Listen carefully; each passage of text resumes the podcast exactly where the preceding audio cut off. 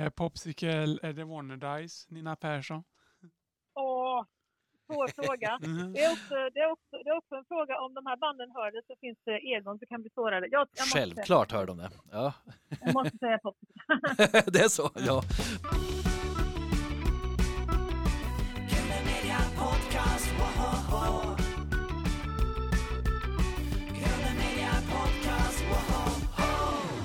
Välkommen till Grundmedia Podcast med Jakob Olsson. Och med mig, Erik Jensen. Har du knäppt din cardigan, Jakob? Får Ja. knä- Du får knäppa upp den lite här då, för att det, det blir varmt här i studion. Och vi är lite pirriga, för vi ska prata med en uh, världsstjärna och eh, fantastiskt inspirerande artist och musikskapare. Nina Persson. Nina Persson, välkommen till Grunden Mina Podcast. Nina, Tack ska ni ha. vad glada vi är att du ville vara med och eh, prata lite med oss här.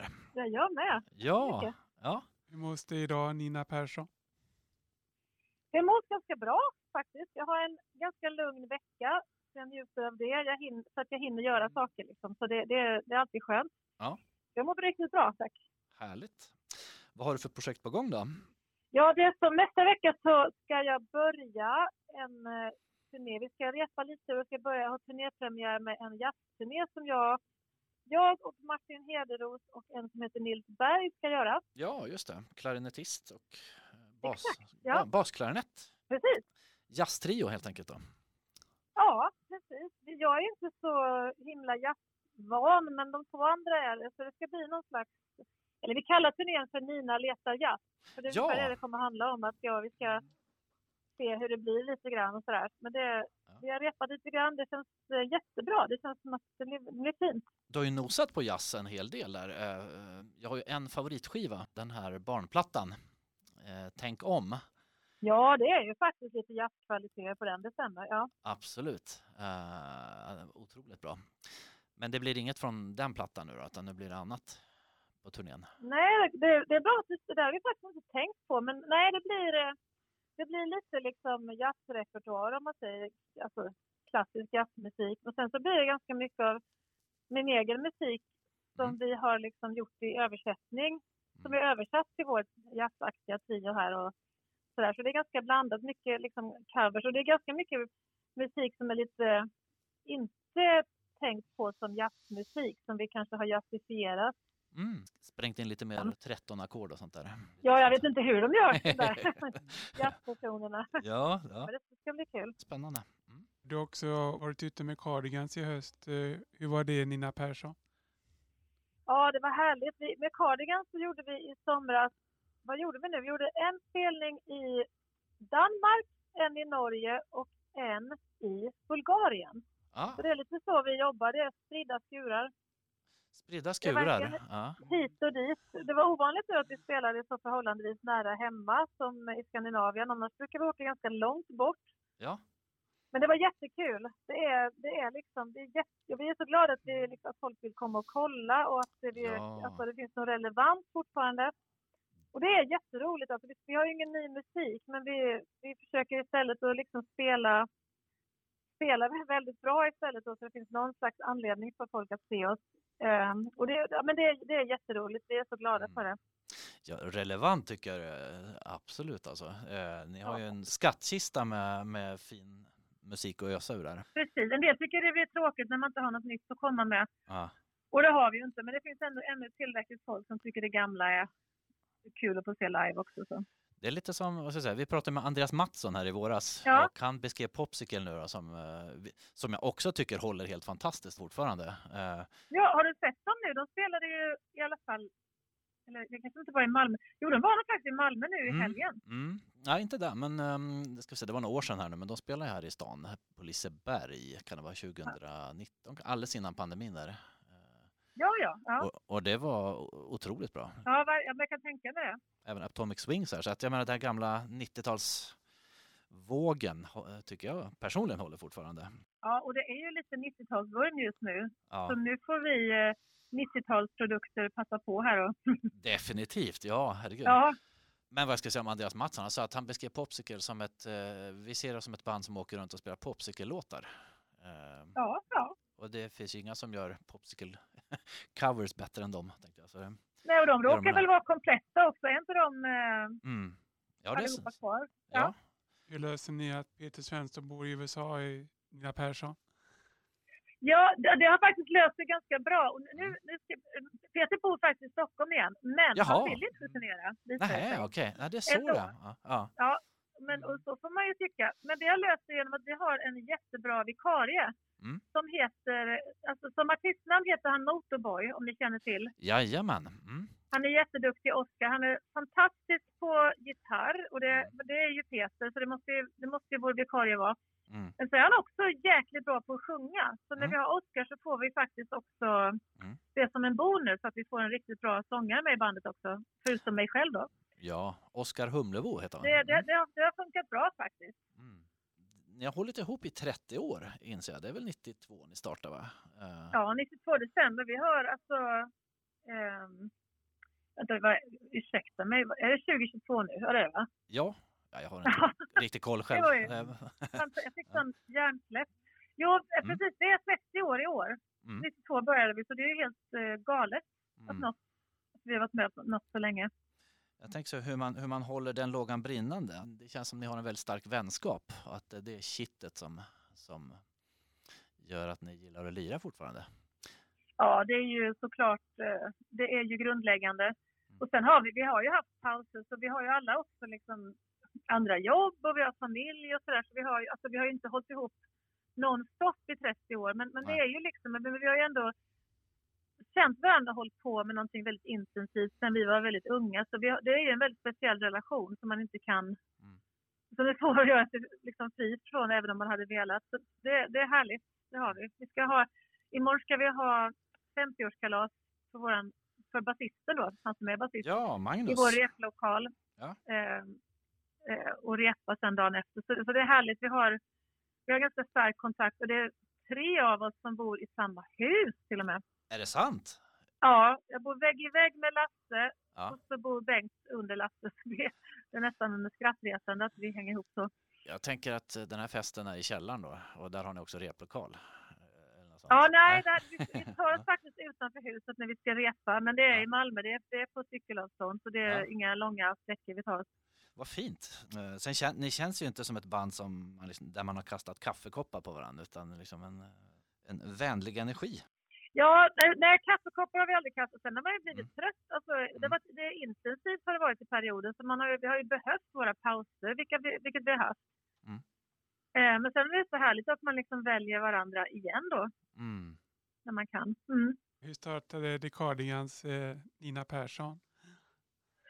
Eh, vi startade, det var ju då 92 har vi konstaterat. Jag var då 18 år och vi startade för att, eh, eller det eh, tvåstegsraket kan man säga. Mm. Magnus och Peter, eh, de hade haft några band, något band var nog hårdrocksband tror jag. Och så hade de satt igång och spelat en annan typ av musik, lite mer popaktig, tillsammans med en tjej som sjöng. Men så tyckte de att hon sjöng så bra Mm. så de eh, tyckte att de ville ha en annan slags sångerska. Och i samma veva hade jag börjat hänga hemma hos en klasskompis till mig, Mattias. Och vi hade börjat skriva lite låtar. Och vi hade, börjat, vi hade startat ett band som heter Gröna Kameler. Mm. Och vi, så, så vi råkade möta Peter och Magnus i en skivaffär. Och då berättade de då att de hade tankar på det här nya bandet. Och då så konstaterade vi att jag är inte så bra sångerska så jag skulle kunna testa. Och då så blev det sen så att de tyckte att jag sjöng dåligt nog så att jag fick. Nå. En bra början får man säga. Ja, det var, det var alla, alla, det var win-win. Och sen så satte vi bara igång och skrev, hängde hemma hos Magnus. Han var den enda som hade egen lägenhet. Ja. Och skriva låtar och, och umgås och lyssna på musik och så här som man gör när man är ett nytt band. Jag tänkte, det här var ju Jönköping. Eh, alltså, Ja. det, det är onekligen en rätt frikyrklig stad. Var ni ett av de få här, profana banden? Eller hur, Ja, var, hur var liksom kultur, musikandan i stan? Ja, jo, men den är väldigt präglad, eh, på gott och ont, av eh, kyrkligheten. Ja. Både i, liksom, sitter lite liksom i estetiken på mycket av musik som utövas här. Sen också att, ja, men att helt enkelt att, att de är i, att de är så många. så det var lite så att alla vi hade liksom koll på vilka i stan som gör en annan slags musik. Ja. Så vi brukar skämta och säga att vi är de enda icke-kristna som fick hålla ihop då på något sätt, men det var nästan lite ja. så. Eh, hur lång är Magnus Svensson egentligen, eh, Nina Persson? Det var, det var den bästa frågan jag fått i hela mitt liv. Det ska jag gärna svara på. Jag, han är 1,96 Mm. Det finns en agenda här, för Jakob är själv... Eh, hur lång är du Jakob? Han höjer handen till eh, någonstans runt två meter här. Ja, du är längre än Magnus. Ja, du är precis längre än Magnus. Men du hade ja. ändå lagt märke till att Magnus var en lången. Ja. Han ja. är jättelång, det är helt sinnessjukt och han är stark. Det är så? Ja. Är det han som får bära the equipment? När du. Han borde. Ja. Tycker jag. Cardigans hade ju en fantastisk förmåga att ömsa skinn inför varje skiva. Ja. Känslan att ni var ganska nyfikna och utforskande. Ja, det var vi absolut. Och sen tror jag att det också har en del att göra med att vi, vi gjorde en skiva och sen så blev det, det blev så framgångsrikt liksom så vi behövde Mm. jobba så mycket med varje skiva. Alltså spela det live och Mm. framförallt ut och snacka om det. Så det var som att vi blev lite, efter ett tag så började vi alltid känna att vi hade hört så många gånger att, av andra människor att vi lät på ett speciellt vis. Så Mm. vi blev väl alltid ganska själva trötta på bilden av oss. Mm. Så det var en så stark känsla av att varje gång vi gjorde en skiva så ville vi verkligen att det skulle vara annorlunda. För vi kände behov av att visa andra sidor av oss. Ja. För man kan bli lite frustrerad om man liksom blir eh, tagen för givet och inmålad i ett hörn. Och, och sen var det kanske också skivbolag som önskade att vi skulle upprepa vinnande koncept om och om igen. Mm. Så, så det var någonting där också att vi kände att vi behövde göra ganska stora steg Ja. för att bevisa någonting kan man säga. Mm. För oss själva och för andra. Ja, det, det är en morot också tänker jag, så man inte känner man stagnerar. Ja, precis. Ja. Det är alltid kul också att klä på sig nya kostymer för att se vad, vad, vad, vad, vad som händer. Eh, hur var det att sjunga duett med Tom Jones, eh, Nina Persson i Burning Down the House? Ja, det var ju jätte... Det var ju lite overkligt faktiskt. Ja. Och det var lite så att vi, när de frågade om vi ville göra det så var det ingen av oss som egentligen hade lyssnat så mycket på Tom Jones. Och vi kanske också var lite fjantiga och tyckte att han var lite en gammal gubbe och sådär. Mhm. Men vi visste ju att han var en legend. Mm. Så självklart tackade vi ja. Och det var, och det var helt fantastiskt att jobba med honom. Dels var det väldigt roligt för han, han och jag har så himla olika röster. Han sjunger superstarkt Mm. och jag sjöng i alla fall då jättesvagt. Det var väldigt speciellt att vara i studion med honom för det var, Mm. det var helt eh, komiskt vad, vad mätarna slog ut på hans röst och vad de liksom låg och fladdrade i botten när jag sjöng. Och sen var han också väldigt, väldigt trevlig. Han var så här riktig gammeldags gentleman. Och också, det var roligt för vi var ju såklart supernyfikna på honom men han var också liksom vi kände också att han tyckte det var spännande att hänga med oss som var en helt annan generation. Så det var, det var, det var kul att snacka med honom. Han berättade jättemycket gamla historier om sitt liv i musiken. Mm. Men han var också genuint nyfiken på oss.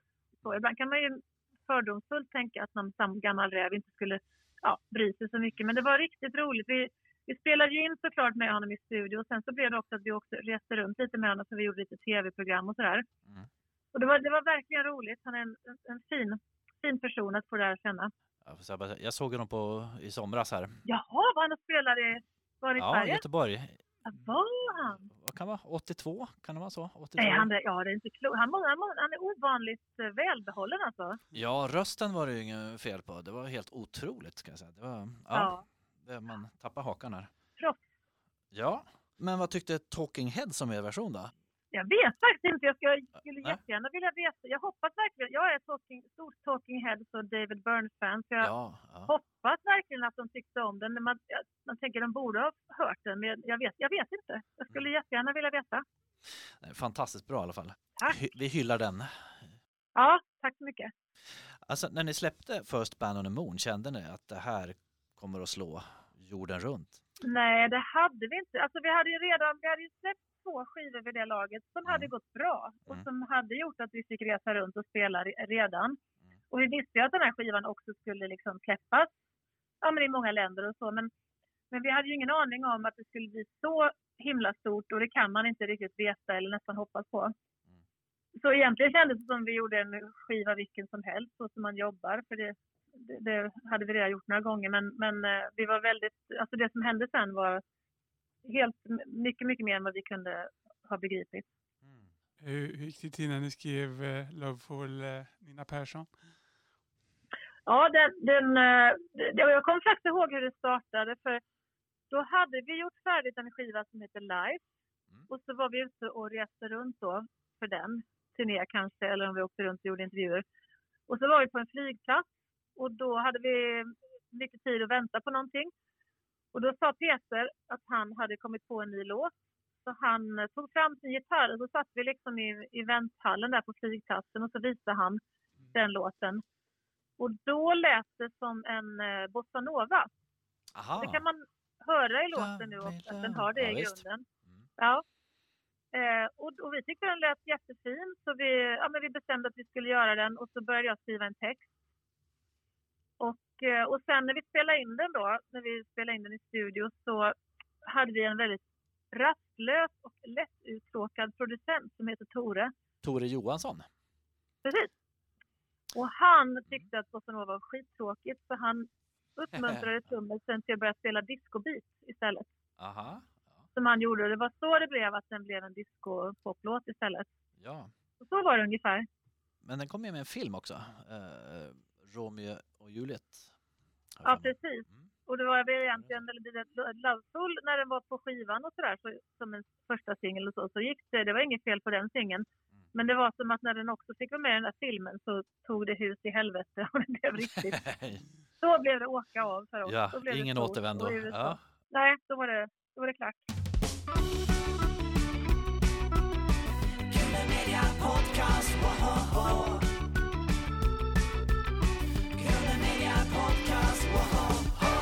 Woho! Eh, vad tänker du när du hör er första skiva Nina Persson? Ja, jag hade, jag, egentligen så, jag brukar inte lyssna så jättemycket på gammal musik, men nu, eh, nu har jag för något år, eller jag har jobbat två år som lärare. Jag har Ja. själv haft elever och då så har jag ibland eh, ja, men, haft anledning att berätta lite om min egen musik, så då har jag lyssnat tillbaka. Och det är, eller dels så kan jag efter så här lång tid eh, verkligen känna mig stolt tycker jag faktiskt. Jag, eh, men en del musik som vi gjorde för väldigt länge sedan känns, eh, känns som någonting som nästan som en annan person har gjort eller ett annat band. För det är Mm. någonting vi inte skulle kunna skriva nu. Nästan inte ens framföra vissa saker. För vi, vi är ju, eller jag som, jag som använder min kropp Mm. när jag sjunger, röst, rösten förändras Mm. eh, med tiden.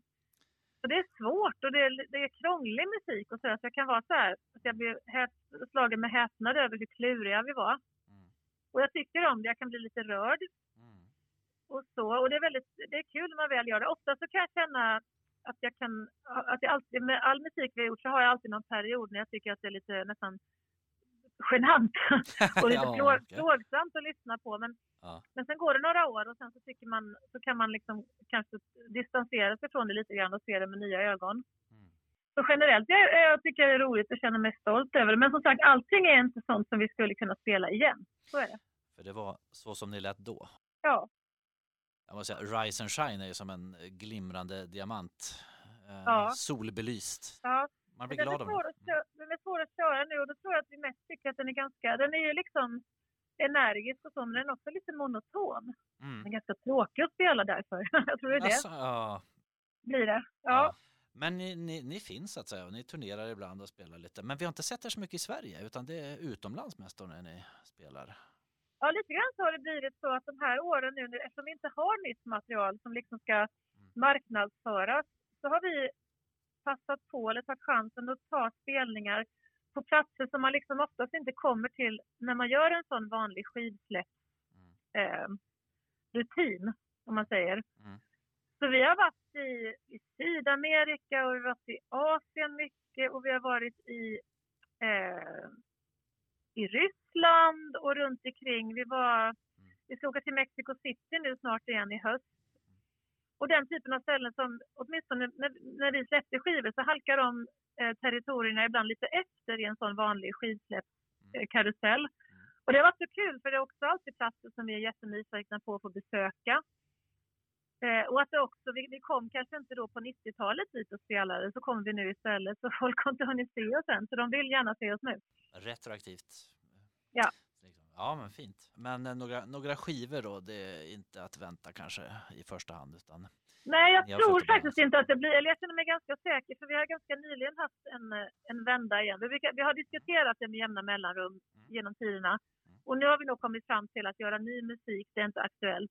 Eh, och då är vi, då, och det, det, det är ett besked som man kan acceptera just eftersom vi ändå får fortfarande ut och spela och göra det som vi tycker är väldigt kul.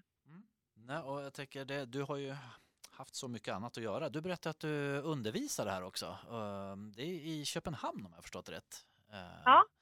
Lärare i ja, låtskriveri då, musikproduktion eller?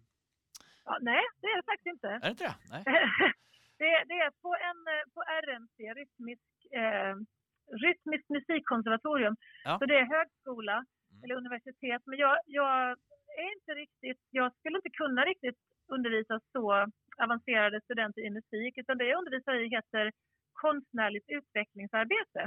Aha! Mm. Så det handlar mer om att, eh, hur man handskas med sitt konstnärskap och hur man kanske så hur man placerar sig som artist och hur man liksom klurar ut vem man är som artist. Mm. Hur man arbetar, det handlar om så här, eh, eh, metodik Mm. och eh, kontext. Någonting också som, som arbetas med också. Så det, det är ett speciellt ämne som den här skolan har som faktiskt är jättenyttigt när man är Mm. konststuderande på olika sätt. Mm. Och det har varit jättekul. Det, alltså eftersom det är högskola så vill de att de flesta ska vara utbildade. Men det här är någonting som där det är relevant att jag undervisar trots, eller för att jag har arbetslivserfarenhet och jag har gjort det utan att ha pluggat. Liksom. Så att, eh, Mm. det är det jag har haft. Spänner skolan över flera konstarter eller med fokus på musik? Nej, det är bara musik. Det är musik, ja. Det är bara musik, ja. Mm. Det, det var från början var skolan rätt mycket av en jazzskola men de senaste 15 åren så har det blivit lite mer crossover. Så det är också så här pop och rock, elektronisk, konstmusik och jazz Mm. eh, och lite av varje så. Mm. Det är en fin skola. De är ganska så eh, i framkant vad gäller liksom, undervisning och sådär tycker jag. Mm. Och så jag, haft- jag, jag ska säga, en klass hade jag faktiskt som hade med musik att göra. Det är att jag hade en eh, textklass. Så jag undervisade i, eh, att skriva text helt enkelt. Ja, okej. Då är det undervisning på engelska, för jag tänker det, det här är folk från hela världen som söker sig dit. och- Ja, det är Ja. några som inte är skandinaver och de har jag haft och då undervisar jag på engelska. Men generellt så undervisar jag faktiskt på svenska för jag är ju skåning också va? så att då har man ganska bra koll på, på Ja. danskan. Så det har funkat bra. Så det mesta har varit på, på svenska eh, för danska. Liksom. Jag har också fått lyxen att få lära mig ett nytt språk. Jag har fått bekanta mig mycket mer med danskan, vilket har varit kul. Bi, biprodukt av mitt jobb, men det har varit jätteroligt. Eh, vad är bäst med Dolly Parton? Ja, det är så mycket som är bra med Dolly Parton tycker jag. Jag tycker att så länge som jag har varit ett fan, vilket det är ganska länge nu, Ja. så hittar jag alltid någonting där jag kan liksom koppla på Dolly Parton och tänka så här, vad hade hon gjort? Och hur hade hon tänkt? Och jag så varje gång jag plockar fram henne och lyssnar på henne igen så, Mm. så blir jag eh, fascinerad och lycklig. Mm. Jag tycker hon är, jag tycker hon är ett fantastiskt exempel på att vara en överlevare. Mm. Hon har, hon har ju varit förr i tiden, när man tänkte annorlunda om kvinnor, Ja. så var hon ju lite häcklad nästan, retad. Det är så här, man, Ja, man gjorde sig ja. lustig över henne. Men, men hon, hon gick skrattande hela vägen till banken och brydde sig inte så mycket. hon har Exakt, liksom ja. varit sig själv alltid. Och, och hon har själv varit så övertygad om att, att hon är att, att hon är en vansinnigt begåvad eh, låtskrivare. Hon har skrivit så sjukt mycket musik Ja. och gjort så mycket eh, och haft den liksom starka självkänslan att, att, att, hon, att hon vet vad hon håller på med. Mm. Jag tycker det är skönt också, att det fina med henne är också att det finns någonting som väldigt förenande i henne. För jag tror särskilt om man pratar om hur det är i USA där hon, där hon ja, bor och verkar så är det ju liksom att alla slags människor tycker om henne. Countryfan och popfan, Mm.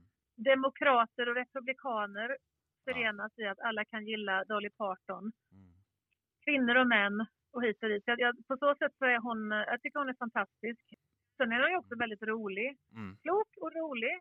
Eh, så hon är ju liksom, ja men sådär, man, man lyssnar gärna till henne både för, för underhållningen och också för att hon är klok. Ja. Mycket, mycket livserfarenheter som jag tycker att jag i alla fall har eh, lyssnat på. Jag är stort fan. Ja, anledningen att vi frågar där, du, du var ju med i en dokumentär där, Jag är min egen Dolly Parton. Eh, Ja. Bland annat med Helena Josefsson som vi också har intervjuat. Ja, just det. Just det ja. Det var tre år sedan tror jag, så vi har väntat tre år på att få plocka upp den här fina Dolly-tråden igen då. ja. Men eh, hon talade eh, så lyriskt och fint om det här filmprojektet. Men var det så att ni fick träffa Dolly också då?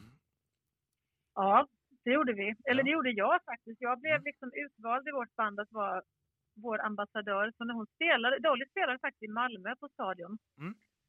Och då så var vi såklart och såg konserten och så, och så, ja, så fick jag då gå och möta henne också. Och överlämna en liten present från oss och, och så. Det är väl med i filmen också tror jag. Ja. Det var lite flummigt för det var... Vi, vi ha- vi hade varit i kontakt med Dollys management och så innan och kommit överens. Eller sagt så här, vi kommer och så sa de absolut, så ska vi göra en liten greet. Men så stod jag, fick jag ändå stå liksom i en kö av alla möjliga fans. Sådär, som det kan vara. Så det kändes lite kanske, Mhm. eller jag var, vi var lite besvikna för det kändes, för, hon och Dolly själv verkade inte riktigt ha förstått vad vi höll på med, att vi var, hade det här bandet och så. Mm. Så det var lite besvikelse, men, Ja. men det var ändå, ändå stort att få träffa henne. Det är också hennes, det kan, man, det kan jag nästan förstå också när man har det som jobb, att man inte håller koll på allt riktigt så. Men, Mm. men jag fick skaka hennes hand och byta några ord. Ja, ja, stort. Ja, Är vi någon mer skiva med A-Camp, eh, Nina Persson? Ja, jag vet inte riktigt. Som, som med allt annat så vet jag, vet jag ingenting. Men, men jag har ganska nyligen eh, varit i Stockholm och hängt med Niklas Frisk som jag hade Åh. camp tillsammans med. Just det. Mm. Vi hängde och vi, har ett, vi, vi, gör, vi gör ett eh, musikprojekt eh, tillsammans som är en tv-serie egentligen. Men det är första gången på länge som vi gör musik ihop och det var jättekul. Mm. Och det var precis som förr. Och sen vet jag inte om det blir, blir någon campskiva igen. Men det är i alla fall väldigt roligt att, att jobba ihop igen. Vi.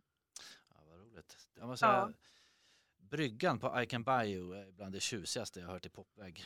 Eh, Ja, vad kul! Ja, men eh, det, det var ju inte bara Niklas där utan eh, du fick ju jobba ihop med din man också där. Ja, precis. Jag och Niklas började det och sen Ja. blev jag ihop med, med Nathan, min man. Och så var han Aha. musiker också. Och då, ja, vi blev, vi blev liksom, eller jag blev ju ihop med honom så jag var ju Det såklart var ju den vevan alltså. Det var, Och ja, ja, ja, vi startade 98 faktiskt, jag och Mm, Niklas. mm. Vi var tidiga. Mm. Eh, och sen så hade vi så kul allihopa ihop så det blev att vi tre gjorde bandet. Mm. Efter. Eh, var det bäst med Nathan Larsson, eh, Nina Persson? Åh, det bästa, det var en svår fråga. Vi har varit, vi har varit gifta i, nej vi har inte varit gifta men vi har varit ihop i, i 25 år. Så det är Åh, ja. nästan svårt att svara på. Men jag vet, jag tror faktiskt att jag hela tiden kommer på att det allra bästa med honom är att han är, han är, han är snäll. Mm. Faktiskt. Och det är mot mig och mot alla människor. Och det, det tycker jag är att det, det slår alltid alla kvaliteter i alla tider. Mm. Eh, Och han, och han vill väl liksom. Han, han är hjälpsam med alla möjliga människor. Och, och, det, och det är en, eh, det är en eh, egenskap som håller väldigt bra. Mm. Som alltid brädar alla andra bra egenskaper tycker jag. Tänker osökt på Pernilla Anderssons låt där. Eh, vi, vi tänker att du är kär ännu idag. Ja just det, det Ja. sjunger hon ja. Ja, Ja, ja vad fint. Vi hoppas vi får Ja, höra ja. fler, fler. eh, Ni har gjort två plattor där med A Camp. eh, Ja. A-Camp. Mm. precis. Ja men det är också sådana projekt som jag tycker, det har, det har liksom inte bäst före-datum. Och vi alla är liksom, vi alla håller ju på och arbetar och så, så det känns inte otroligt. Men, men man får bara se liksom vad, vad tiden vill helt Mm. enkelt. Men nu har vi i alla fall eh, börjat hänga igen då med Niklas så det är en, en god start i alla fall. En bra början där, ja. Vi pushar även eh, Andreas Mattsson att han och Niklas ska göra en Sweet Chariots-platta här. Så att eh, det ligger lite press på Niklas här nu. Ja, får se vad han väljer först där. Ja. Ja, Vi får ju ta och hylla din Animal Heart också. Den eh, kan jag säga, den har jag lyssnat mig sönder och samman på. Den- Nej, vad kul. Väldigt fin ibland så, det är jättekul att du säger det, för att ibland så känn, kan jag känna mig lite som att den inte riktigt funkade liksom på något sätt. Men så? alltså, jag blir Ja. jätteglad när folk har minst den och, och tycker om den. Ja, tack så mycket. Mm. Kule Media Podcast, woho!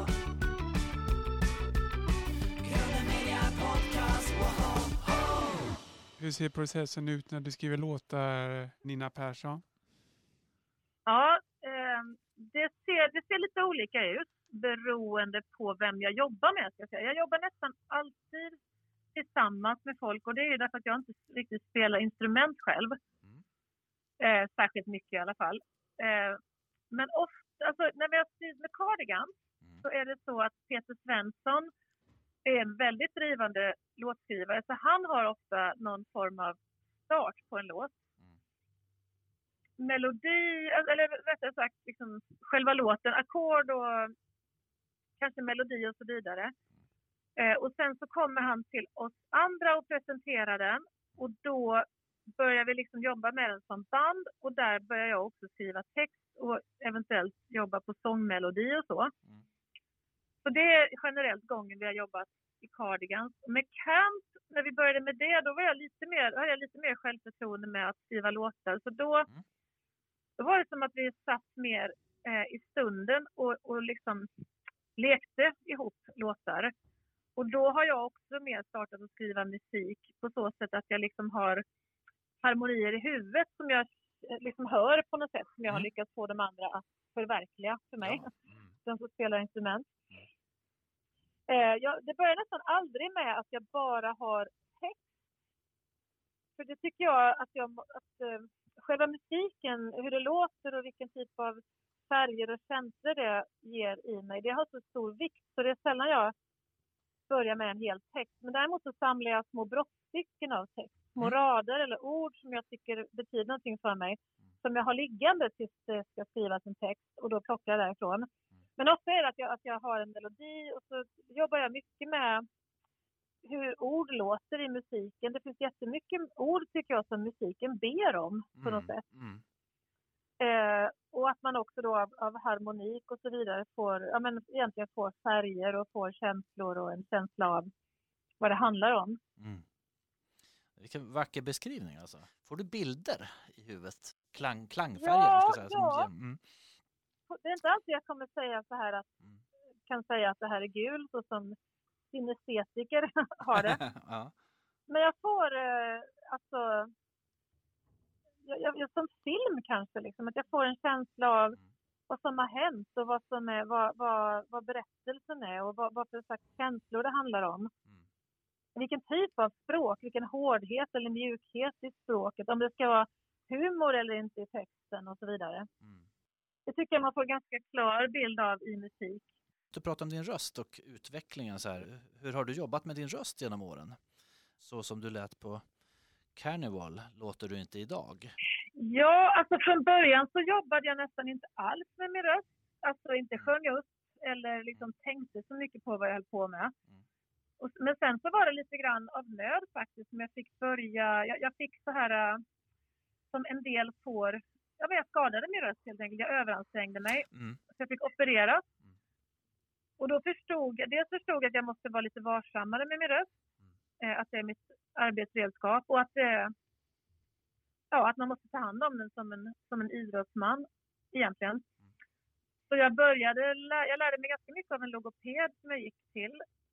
Eh, och jag fick mig också av en sånglärare så fick jag lite olika uppvärmningstrick och så. Så på, det är väl på det sättet jag kan säga att jag har jobbat med min röst, att jag faktiskt började förstå att det finns saker man kan göra.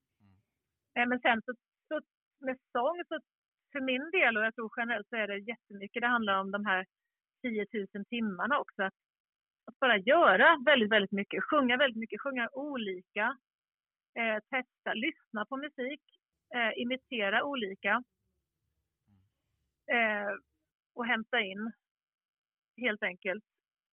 Så det är nog så jag generellt, just nu så är jag precis i en vecka då jag ska på turné nästa vecka. Mm. Och då har jag varit lite sjuk nyligen. Så då måste jag, och då kan det handla om att jobba med sin röst, det faktiskt att jag måste ut och jogga. För att jag, är lite, Mm. jag, blev, jag var sjuk så jag fick så dålig kondis. Mm. Så då måste jag eh, få igång flåset, det är ett sätt. Annars Och det är både för fort. att kunna sjunga bra och också orka när man sjunger en hel konsert. Ja. Ja. Och sen eh, ehm, ja, men att, ta hand, att jobba med sin röst kan också vara, som är det tråkigaste av allt, Mm. att hålla käft i vissa perioder. Mm. Mm. Det, det finns perioder då jag inte har råd att eh, gå ut och äta middag och dricka vin och prata i hög volym till Ja, exempel. det. Mm. För det sliter ganska hårt på mig i alla fall. Sådär. Så det finns olika saker man gör som är en medvetenhet. Men, sen, men just hur, hur man utvecklar sång så tycker jag för min del att det har, att det har bara handlat om att Ja, de kan de här klassiska 10 000 timmarna. Att göra, göra, göra och lyssna, lyssna och liksom bli medveten.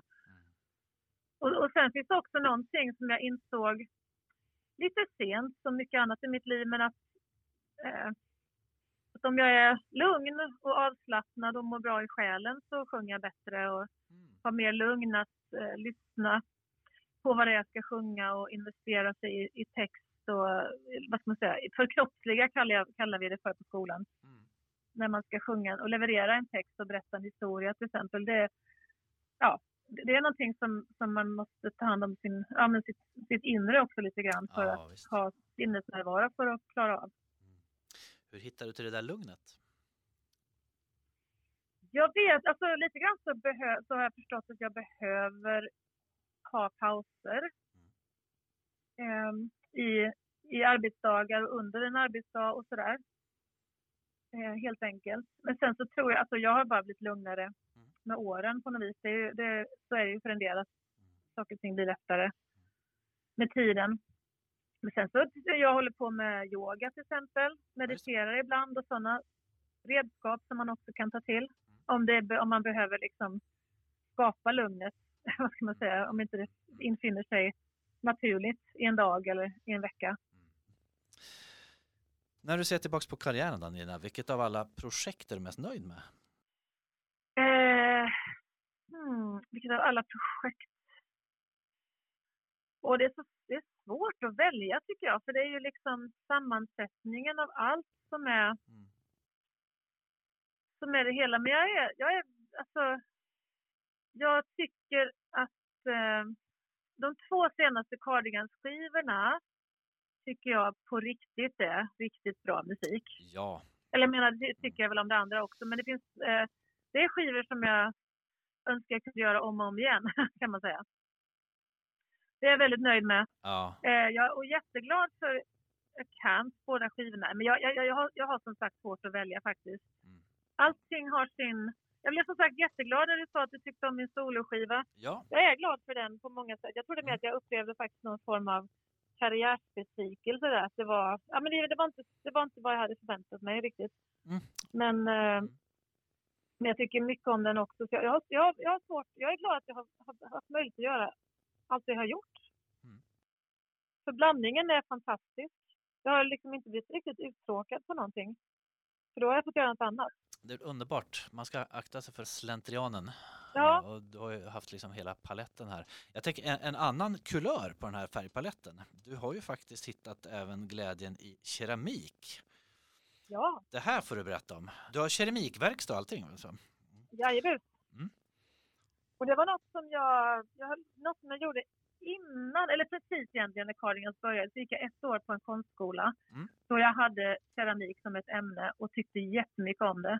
Men sen, är, sen så kom det att vi jobbade så himla mycket med cardigans. Och keramik behöver man ha rätt mycket, man behöver inte, det är inte väldigt tidskrävande, men man måste ha mycket eh, kontinuitet i det. Mm. Eh, och det har jag inte haft. Det, det var många år när jag inte hade det överhuvudtaget. Så när jag väl, när jag bodde i New York en period och hade till exempel fått ett barn, så jag var hemma längre perioder, så hade jag plötsligt någon form av kontinuitet. Så då började jag igen. Och då var, i New York så blev jag med i något kollektiv där många människor delade på en verkstad eh, och tyckte det var fantastiskt. Och sen när jag flyttade hem till Malmö så, så lärde jag känna en, en tjej som gärna ville ha verkstad ihop och så startade vi det. Ehm, och det har varit eh, fantastiskt kul för det är något annorlunda och jag har egentligen också en del av mig som är lite som kommer från tiden före Cardigan så att jag egentligen alltid har trott att jag ska hålla på med något konstnärligt som har mer med, bild och form att göra än musik. Så jag har saknat det också och det är en stor del av mig. Liksom. Det, det, är mycket, det är mycket som händer som sitter i det. Liksom. Det är handgripligt Ja. på något sätt. Jag tycker egentligen mer om att jobba handgripligt än att jobba så mycket intellektuellt om man säger. Eh, Så det har det givit och det, är- en otroligt rolig roligt community, alltså man lär känna likasinnade. Det är en jätterolig hobby att ha, eh, att liksom nörda med kompisar och nya människor om. Så det har givit mig väldigt mycket. Nu är det väldigt kul för nu har, nu har jag varit lite inaktiv i vår verkstad ett tag. Mm. Eh, men jag delar, den- henne som jag delade med, hon är professionell kan man säga. Mm. Och nu ska vi flytta verkstad. Så jag har precis Jaha. nu bestämt här att på tisdag så ska jag se vår nya verkstad och hjälpa till att flytta över alla grejerna. Så, så jag hoppas att, eh, tyvärr så bokar jag på turné hela tiden, men Mm. eh, jag hoppas att någon gång senare i höst så ska jag ha tid att, att sticka dit igen och jobba. Så Ja. har kommit eh, på plats igen. Är det svårt att dre- dreja Nina Persson? Ja, det är faktiskt svårt. Och det är hopplöst om man tar en paus på några månader eller så, så, så är, känns det känns som att man måste börja om från start igen. Såklart så minns man lite grann i huvudet, men att få in det i händerna igen varje gång, det är svårt. Och det är spännande för man blir väldigt, väldigt fokuserad. Så man kan inte sitta och liksom fantisera om annat riktigt. Eller det kan man, men man kan inte liksom ha man kan inte vara distraherad av en telefon eller liksom man, man måste vara på plats och man måste fokusera annars så far lekklumpen iväg. Mm. Så det är inte så, så lätt är det inte egentligen. Och det är ganska, det, jag tror det är det som är kul med det också, att det är lite frustrerande och, och kräver eh, fokus. Och man blir ganska glad när man har haft en paus och får till någonting på dig-skivan. Ja, jag förstår. Kan man eh, köpa din keramik någonstans? Nej, jag, jag har sålt pyttelite i en butik någon period.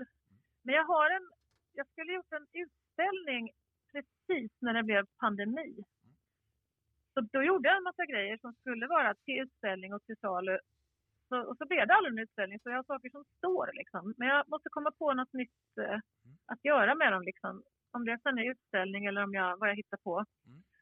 För det finns lite grejer, men jag har som sagt också de senaste åren, det är två år som jag har undervisat nu eh, på skolan som jag inte har hunnit att vara så mycket faktiskt. Jag, jag är lite efter med produktion helt enkelt. Ingen brådska. Men, men jag börjar själv få så jäkla fullt med kaffekoppar och, och grejer så ska jag fortsätta så måste jag börja sälja snart för jag, jag behöver inte mer grejer. Vi köper gärna en kopp här till eh, vår verksamhet. En äkta Nina Ja men det är Persson. bra, så, Ja, fort, så fort jag har någonting som går att köpa så, ska jag, så, så kommer jag säkert eh, Ja. lägga det på Instagram eller något sånt där så det går att se. ja, Vad gör dig glad Mm. Nina Persson? Ah, och som tur är det ganska mycket måste jag säga som gör mig glad. Ehm, jag blir väldigt glad av så här, bra böcker och bra, eller mer bra böcker än bra film egentligen, men också bra film. Bra vänner. Jag, kan bli, kan bli, jag blir väldigt glad när jag får som sagt hålla på och fixa med någonting fysiskt. Nu har jag en sommarstuga också så att få hålla på och måla där eller gräva eller liksom bära tunga saker och sånt gör mig väldigt glad. Ehm, eh, ja, det, det som, som sagt, som tur är så är det ganska mycket. Jag kan bli, jag kan bli glad över ganska små saker också, vilket jag är, eh, också är tacksam över. Alltså, jag kan bli jätte, på jättegott humör av att ta en promenad som är så enkelt. Mm. Och jag kan bli, ja gud. Ja men sådär, det är liksom små, små, smått och stort. Men jag är glad att små saker fortfarande kan, kan göra stor skillnad. absolut. Ja. När man känner sig närvarande och ser de här små sakerna. Ja, liksom, precis. Mm. Det är ju, det, var det någon hänförelse, var det någon, hörde jag idag på radio, att det är faktiskt väldigt bra för hälsan också. Och då Ja, slog det mig att, att det, det upplever man ju faktiskt ibland. ja, Och då, då, är, då, har, då är man nog, då har man det nog bra om man får känna det ibland. bli berörd. Och så. Ja, precis.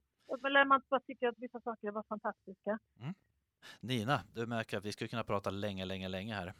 ja. Men vi måste ju snart avrunda. Vi har en kort grej som heter Fem snabba till dig. Ska du väl vara med på en sån liten eh, kortis? ja, absolut. Man får göra den längre också efter behag så att säga. Ja, vi gillar ju anekdoter. Så här kommer fem snabba med Nina Persson.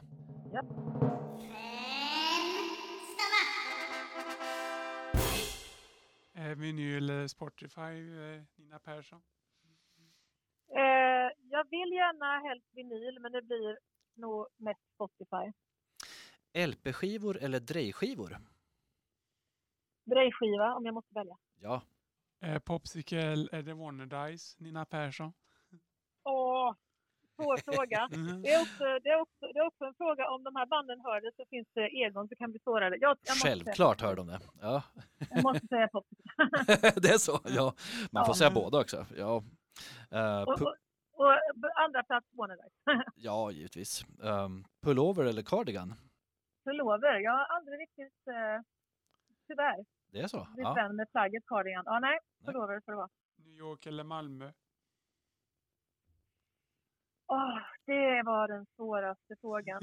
Egentligen både och faktiskt. Fast nu Mm. har vi, nu att, bo- att bo någonstans Mm. så är det Malmö just nu. Turné eller studio? Eh, just nu turné. Ja, det var väl lämp- lämpligt att avrunda med det, för du är på väg ut på turné. Och eh, Precis. ja, så vi ser fram emot att komma och titta på dig här då, eh, när du kommer till Göteborg med eh, Nina letar jazz. Ja, Det ska bli 14 jättekul att se. Jo, Ja. 14 oktober är det. Mm. I Stockholm, turnépremiär. Ja, spännande. Mm. Nina, Ja. Vi önskar lycka till med turnén och eh, vi bugar och tackar för att vi fick prata med dig. Det här var, Ja, det var så kul. himla tack, fint. Ja. ja. vad roligt det var. Tack för att ni frågade mig. Ja, tack för att du ville vara med. Eh, och Ja. eh, till lyssnarna ska vi också säga lyssna på Animal Heart och lyssna på Tänk om, alla ni vuxna och små barn. Fantastisk barnskiva. Och sköt om dig Nina. Så ja, tack så mycket. ses vi där ute i musikvärlden. Sköt om dig. Ja. Hej då! Mm. Hej. Hej då! Hej, hej!